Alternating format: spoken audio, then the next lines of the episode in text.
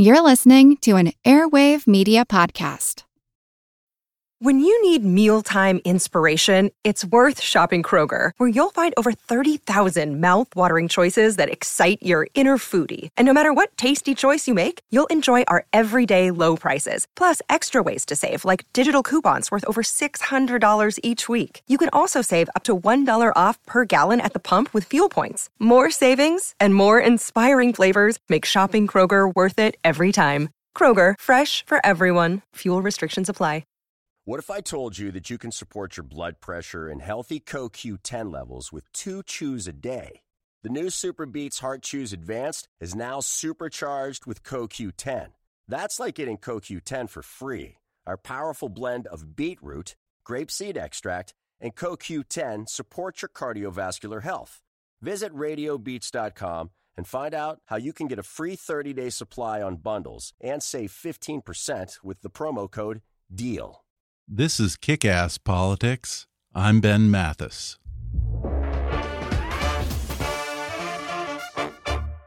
Hey, folks, a couple of quick announcements. First, I'll be at Politicon this weekend in Pasadena, California, and if you plan on attending, I hope you'll come by and say hi. If you're not familiar with Politicon, it's essentially Comic Con for political geeks. Everyone will be there James Carville, Ann Coulter, Larry Wilmore, Glenn Beck, Vicente Fox, and many, many, many more big political heavy hitters. So check out the lineup at politicon.com and come by and say hi. Also, I'm pleased to announce that Kickass Politics is now available on Spotify. In fact, we're one of the less than 1% of podcasts that have been asked to join Spotify's network. Don't worry, we're still available on iTunes and SoundCloud, but for those of you who are addicted to Spotify like me, you've got one more great option. Finally, we're now on a cool new crowdfunding platform called Patreon. With Patreon, you can pledge a certain amount each month, and in return for helping to sustain the show, you're going to get some fun benefits like back episodes and exclusive content, show merchandise, shout outs on the podcast, video hangouts, invitations to live events, and more. To donate, just go to patreon.com backslash kickasspolitics. Thanks for your support, and thanks for continuing to listen. And now, enjoy the podcast. Hi, I'm Ben Mathis, and welcome to Kick Ass Politics. Folks, I'm bringing in the big guns today because my guest is Senate Majority Leader Mitch McConnell. You've seen him do battle with his Democrat counterpart, Senator Harry Reid, and at least until Republicans take back the White House, he, along with Speaker of the House Paul Ryan, are the de facto leaders of the Republican Party. It's a role to which Mitch McConnell has aspired ever since giving up baseball as a young boy in Athens, Georgia. After graduating from the University of Kentucky Law School, McConnell interned for the Republican Senator from Kentucky, John Cooper, who instilled in the young Mitch McConnell a reverence for the U.S. Senate and taught him that sometimes, even if the folks back home might not like it, a senator has to vote his conscience. Later, McConnell served as an assistant to Senator Marlow Cook of Kentucky, then as Deputy Assistant Attorney General under President Gerald Ford, where he worked alongside future Justice Antonin Scalia. But he still always wanted to be a senator, and in 1984 he challenged the Democrat incumbent Walter Huddleston in a long shot bid for the U.S. Senate, which Mitch McConnell won in an upset victory. From then on, he was never far from the action in the U.S. Senate, rising to become chairman of the National Republican Senatorial Committee, where he helped keep the Republican majority in the Senate in 1998 and 2000.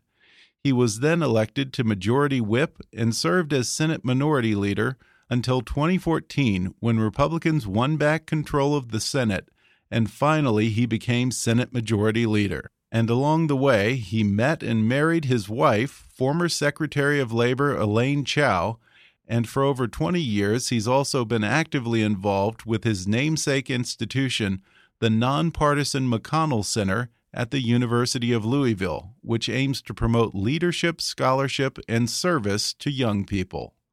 Now, he's finally written a book, But don't be fooled by that. He's not running for president and he's not retiring. The book's called The Long Game, a memoir, and the title embodies the patience, persistence, and strategy that got Senator Mitch McConnell to the top spot in the U.S. Senate. Today, he'll talk about his steady ascent through the ranks and the kind of temperament it takes to get there. He'll talk about his childhood battle with polio and the long shot bid that got him elected to the Senate.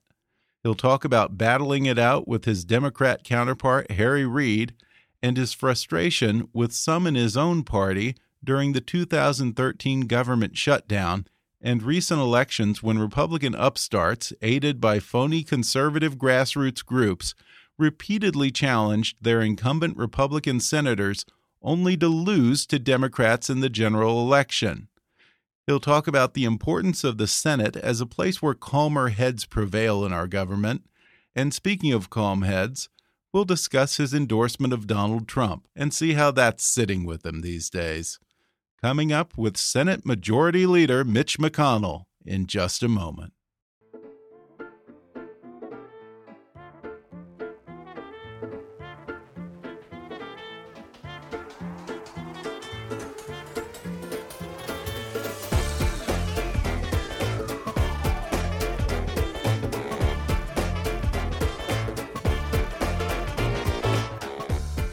Hollywood to Washington, it's time for Kick Ass Politics.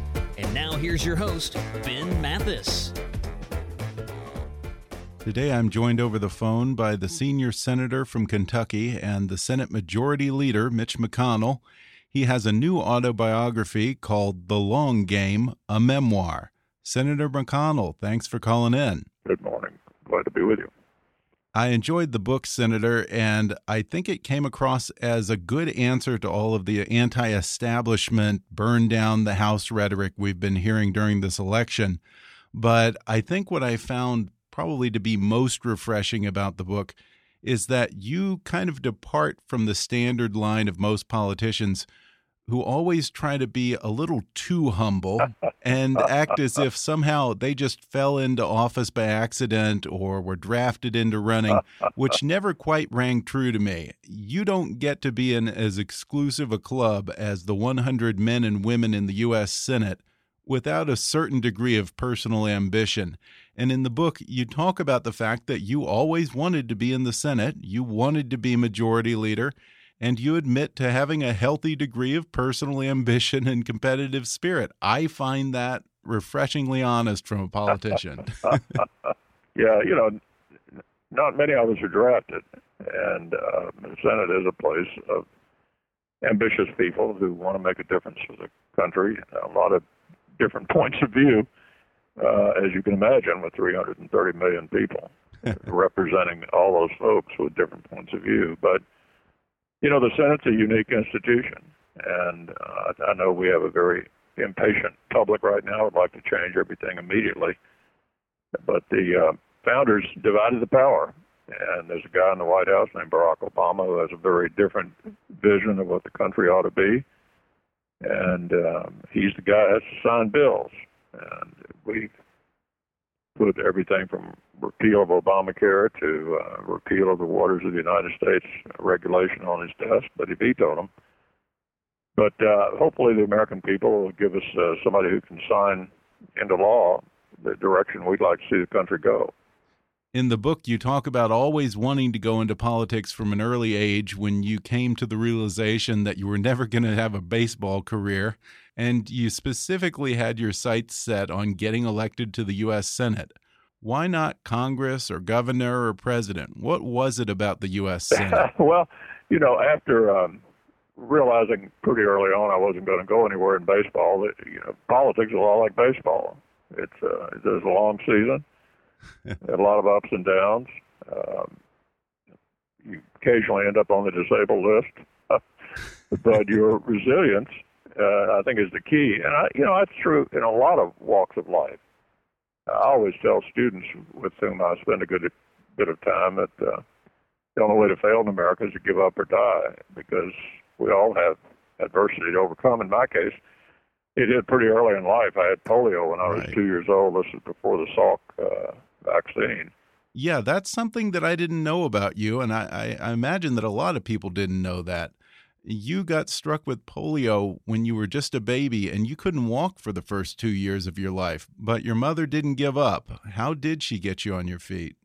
We lived in an old community in Alabama. We were about an hour's drive from Warm Springs, which uh, President Roosevelt had set up as a polio treatment center.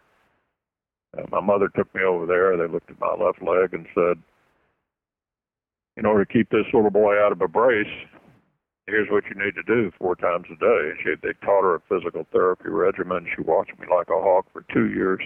You imagine keeping a two-year-old from trying to prematurely walk for a couple of years. Yeah. So I had a, you know, my first memory in life actually was the last visit to Warm Springs, where the nurses told my mother that they thought I'd, you know, be able to be okay. I'd be able to walk without a brace and without a limp. So it's kind of an early lesson in long in tenacity and hard work. Like a friend of mine said, the harder you work, the luckier you got. Yeah, that's not bad advice. And if you can overcome polio, then winning an election must probably seem like a cinch. So let's talk about your first election, Senator. Uh, it was thought to be a long shot campaign against a very popular incumbent Democrat senator. And one of the things that you were counting on to give you a boost was President Ronald Reagan was coming to Louisville to give a speech.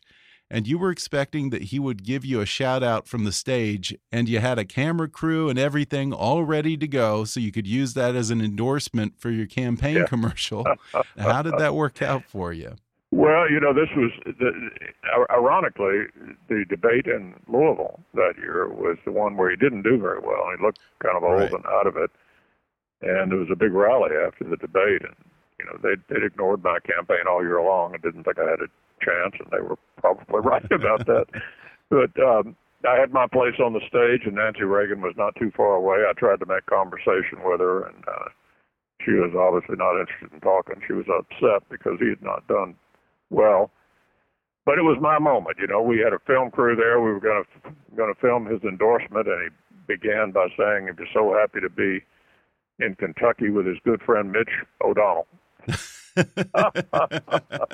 As you can imagine, I was uh, crestfallen, and um, it was uh, a long shot campaign at best, and right. uh, finally finally managed to eke it out by about a vote of precinct. yeah, and uh, a part of that credit goes to your ad guy, who was a young Roger Ailes, who we all know yeah. is now as head of Fox News. Yeah, Roger's the only person I've ever worked with. I thought wanted to win as bad as I did. He's a heck of a competitor. You know, he started CNBC for NBC before he started Fox for. Um, oh, I didn't know that. Yeah, for, for Murdoch. Yeah, huh. he, he he pivoted after Bush 41 got elected president. He pivoted and went into a different line of work, and obviously it's been an extraordinary success. And uh, we were 30, you know, 35 points down in July, and we had a big uh, strategy meeting in Louisville, and I looked at Roger and I said, "Is this race over?"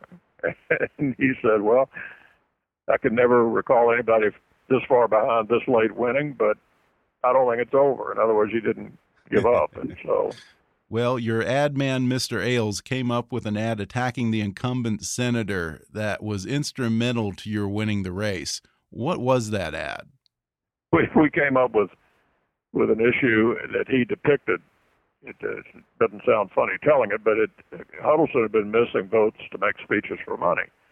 And so Roger came up with these Kentucky bloodhounds looking for him to get him back to work. and it was quite humorous and kind of electrified the campaign and um, you know got people talking about it for the first time and we managed to uh, to, to win it and um, even though Reagan had a terrific day he carried 49 out of 50 states he didn't have any coattails. We, uh, uh, my party actually lost two seats in the Senate. I was the only Republican in the country to defeat a Democratic incumbent senator that day. So I went from, I went from total obscurity to being, you know, kind of uh, taken around Washington as a, as the, as the, the, the new kid on the block. yeah, it sounds like you were the belle of the ball for a while there, and you took to the Senate like a fish to water. You fairly quickly started rising up the leadership ladder. You served as the head of the National Republican Senatorial Committee, then as whip, and then minority leader, and then finally you made it to majority leader in the Senate. And along the way, you've had your share of battles with Harry Reid and the Democrats, and also occasionally with some of those in your own party. One instance that you talk about in the book is the government shutdown that happened a couple of years ago when Republicans in the House made a great big show of holding up the annual budget bill because they wanted to use it to defund Obamacare, which obviously would have been vetoed by the president anyway. But they still ended up shutting down the government, all for a political stunt. You talk about that in a chapter aptly titled, Do You Want to Make a Point or Do You Want to Make a Difference? I guess my question to you is Is there too much of this grandstanding and political showmanship, not just in the House, but more recently among some of your newer senators as well? Well, I don't mind making a point occasionally but it, it needs to not be a foolish uh, gesture. What, what what my friend George Will, the columnist, calls the politics of futile gesture. Here was the plan that we were going to shut down the government in order to defund Obamacare. Two problems with that. Number one, Obamacare is an entitlement, and so it's not affected by what we call discretionary accounts. You could shut down the government, Obamacare would still go on. So obviously that wouldn't achieve the goal. And second, why would Obama of Obamacare veto a bill that repealed Obamacare. So that's what I would call the politics of futile gesture. It, it's okay to make a political point from time to time, but don't do it stupidly. Don't do it in a way that raises people's expectations to think something can be achieved that cannot possibly be achieved. That right. kind of thing, I think, is um, you know not good for the party. Uh, we did end up shutting down the government. Our numbers approval numbers in the country went down 10 points, the most precipitous drop in recorded polling history. So, you know, we've got an old Kentucky saying down here: "There's no education the second kick of a mule." uh, don't. We're not doing that anymore. Yeah, I think we have a similar saying where I'm from in Texas too. Um, and another one of these family squabbles that caused you no small amount of frustration uh, both as the former head of the National Republican Senatorial Committee and as Republican leader in the Senate, is these groups such as the so called Senate Conservatives Fund, which you have dubbed, quote unquote, the professional right. And you say that these groups are run by paid political consultants who have hijacked what was the Tea Party movement and they've made a business out of waging primary challenges against Republican incumbents, including yourself, the, the leader of the party. Now, these groups have cost Republicans a number of key races in recent elections in 2010 and 2012 because incumbent Republicans then had to spend time and money defending themselves from the right instead of focusing on defeating Democrats. Do you think conservatives have finally learned their lesson about cannibalizing other Republicans like this? Well, I, we cured the problem in 2014. What happened in 2010 and 2012? This particular group, the Senate Conservative got behind some people in primaries that couldn't win in November. It cost us a seat in Delaware, one in Colorado, one in Nevada, and then in 2012 they did it again, cost us a seat in Missouri and in Indiana. That's five lost seats. So in 2014, I said, okay, the key to this is making sure we have. It's not about philosophy. It's about winning because if you don't win, you can't make policy. You know? Right. Losers go home. Winners make policy. So what we did in 2014 was make sure that most electable candidate won every primary, and we took the Senate. Uh, we had another skirmish in 2016 this year in Indiana where right. the Senate Conservatives Fund lined up with a guy who couldn't win, but we beat him by 34 points in the primary. So my point is, it's not really about philosophy. It's it's about can you you know can you win the November election? Because if you if you, if you don't win the election, you're wasting your time. The other guys make the policy. Yeah, and you know the thing is, you don't see the Democrats doing that. I mean, it often seems to me like many conservatives are more interested in defeating other Republicans than defeating Democrats and actually winning elections. And the other thing about it is, even if they win, people don't take into account things like the fact that you may have defeated a longtime Republican senator, such as Dick Lugar, who has seniority and he has relationships that he's built over many years with other senators and important committee assignments or even chairmanships. And even if you primary Dick Lugar or an incumbent senator and win and then get elected, you're still starting from square one as a junior senator with no reputation, no relationships, bottom of the barrel committee assignments. And really, at the end of the day, that's doing a huge disservice to your constituents back home, I think. But we're going to take a quick break right now, and then I'll be back to talk more with Majority Leader Mitch McConnell. We'll be back in just a moment.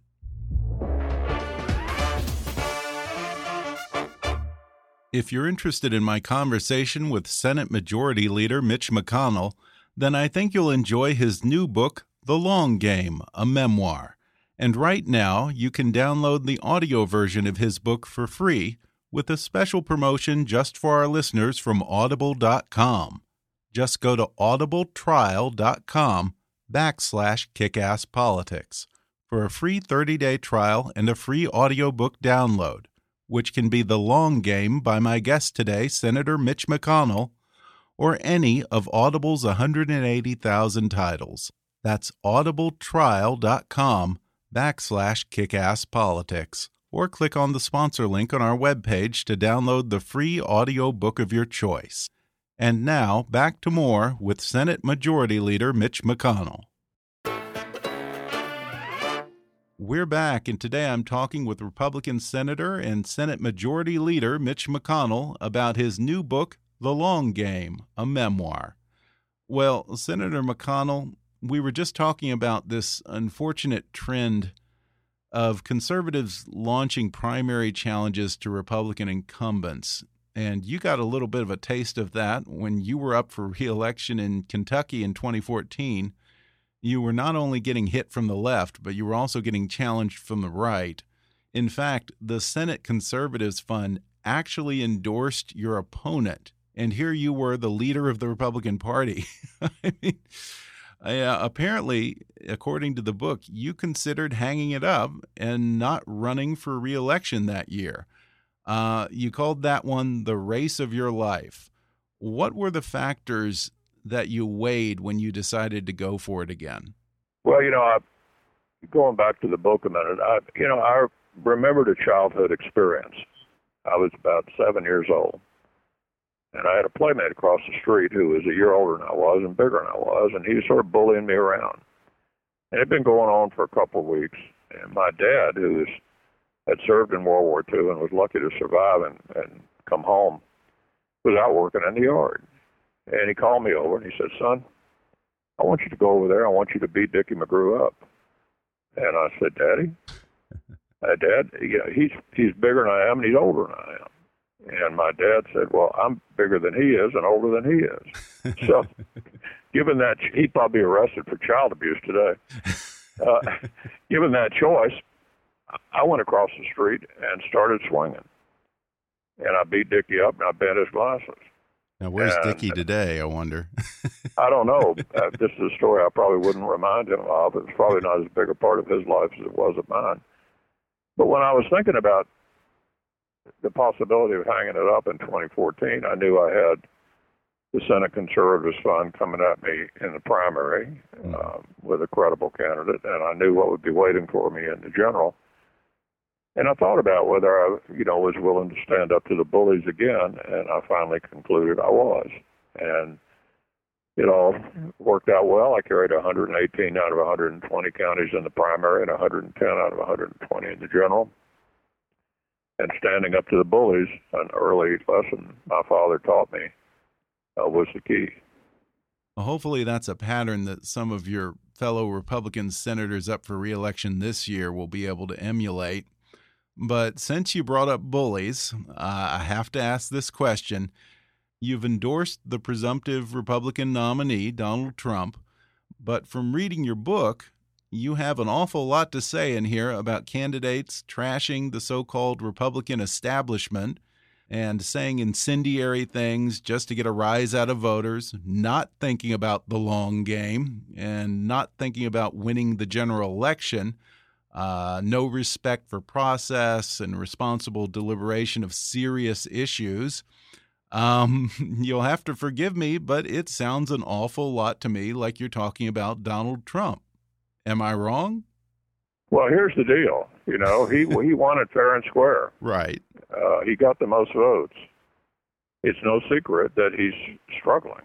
Uh, as you and I are talking today, we just uh, saw his latest uh, f- finance report, and it, you know, there's not much money in there, and um, so you know he's he's he's earned the nomination, but in order to be elected president, he needs to pivot and start uh, acting presidential. You know, for example, right. There's nothing nothing wrong with using a script. Most candidates use it for president use a script. It's how you remember everything you want to say, and um, I think just kind of going from rally to rally and winging it is uh, may have worked in the primary, but it's not going to work in the general. So I've endorsed him because he's he's he's earned the nomination but he needs to um, start acting like a serious candidate for president if he wants to win the election. Well, yeah, and you have actually met with him in person and gave him what I would expect to be some pretty helpful advice from someone who has been in the game for quite a while.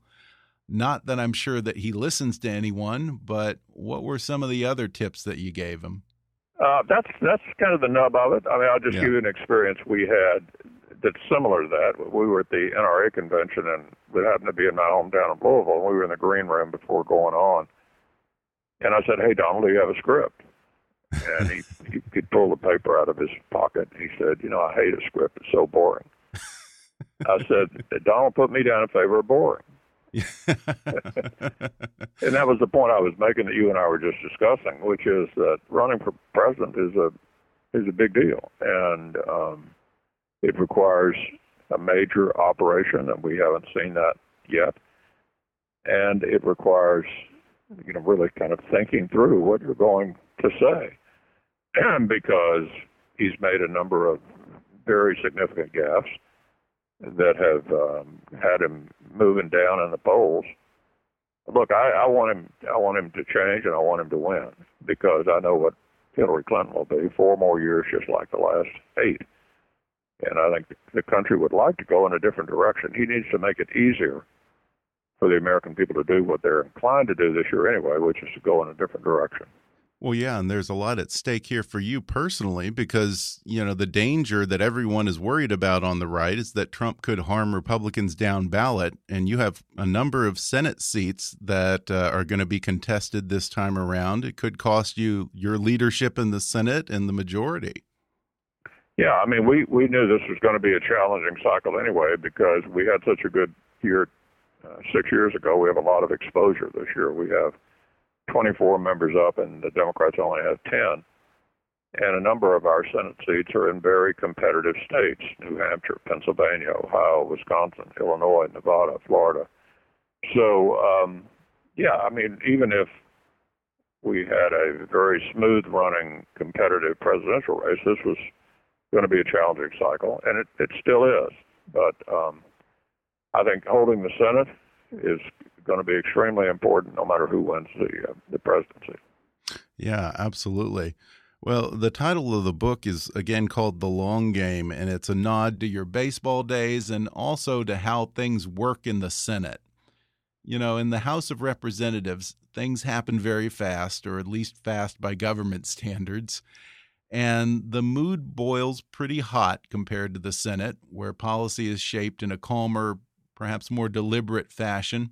Uh, I, I, think the closest relationship to that of the House and the Senate for me is probably that of a man and his wife. You know, the the husband gets all these wild, impulsive ideas, and the wife chimes in as the voice of reason. Um, as someone who has never wanted to be anywhere but right where you are in the U.S. Senate, you seem to have a great reverence for how the Senate works. You respect the process and the rules of the Senate. And I think the role that the founding fathers intended the Senate to play as that steady hand and that calm, deliberative body. In this hot, impatient political climate, do you worry that Americans don't appreciate that aspect of the Senate or even necessarily understand how it's supposed to fit into how our government works? Yeah, I think that's true. I mean, people are not happy, and I understand why they're not happy. They're worse off now than they were when the president came to office. So there, there, there's there's considerable reason for unhappiness. But it's important to remember the founders of our country wanted to divide the power up. You know, they we have three separate branches, unlike parliamentary governments, which don't. Uh, we have a Senate and a House that are very different. You know, George Washington was asked at the Constitutional Convention, "What what do you think the Senate's going to be like?" And he, according to legend, said, "Like the saucer under the teacup. The tea's going to slush out of the cup down into the saucer and cool off." In other words, the Senate was a place where things didn't move quickly and were thought over and there are two ways you can look at that. You can be really impatient because it's hard to do things in the Senate, or you can say, "Boy, it sure has saved saved us from a lot of really bad ideas that came out of the House and never made it through the Senate." So, I think the Senate has served an important function throughout the 200 years of our history. I think it still does. Um, I think one of the reasons um, people are so angry all the time, in addition to the fact that that their lives are not better off, and I can understand that they they deserve to be upset about that. Is that um, they think that the level of discourse now is unique. Uh, believe me, it, it it isn't. I mean, there isn't anything we've said about each other that comes close to what Hamilton and Jefferson said about each other. That's true. And we have we have had a single incident where a congressman from South Carolina came over and almost beat to death a senator from Massachusetts on the floor of the Senate. I mean, in other words, we've had robust political debate right. throughout our history. What's the difference? The internet and 24 hour TV. People just hear more about it and are subjected to more of the debates than they used to be in the past. Uh, but there's, there's nothing unique um, in American history about the level of discourse or the or the great debates we're having today. There've been a lot tougher periods in American history than this. Yeah, there sure have been. And you've been a good steward of the Senate and a rare civilizing influence in American politics, especially these days. So I thank you, Senator, for that. I enjoyed the book and I encourage folks to pick up a copy it definitely lends some balance to all of the anti establishment, pro outsider rhetoric that we're hearing in this election. Uh, it's called The Long Game, a memoir by my guest today, Senate Majority Leader Mitch McConnell. Senator McConnell, thanks so much for joining me over the phone, and uh, you just keep doing what you're doing, sir. Thank you. I enjoyed the talk. Thanks again to Majority Leader Mitch McConnell for coming on the show. And if you enjoyed today's episode, I'd encourage you to read his new book, The Long Game, a Memoir. I'll include an Amazon link where you can order it in the show notes for this episode and on our website at kickasspolitics.com. Or if you'd prefer to listen to the audio version, you can download that for free through a special trial offer just for our listeners at audibletrial.com backslash kickasspolitics. And Senator McConnell does not have a Twitter account, but his press team does, so you can follow him vicariously on Twitter at, at McConnell Press. You can also visit his official Senate website at mcconnell.senate.gov please subscribe to Kickass Politics on iTunes and leave us a review while you're there. And you can also help us reach our fundraising goal for the year and get rewarded by donating to our Patreon campaign at patreon.com backslash kickasspolitics. Follow us on Twitter at, at KAPolitics or visit Kickass Politics on Facebook. And while you're there, recommend Kickass Politics to your friends on your social media. And as always, I welcome your comments, questions, and suggestions at comments at kickasspolitics.com. But for now, I'm Ben Mathis, and thanks for listening to Kick Ass Politics.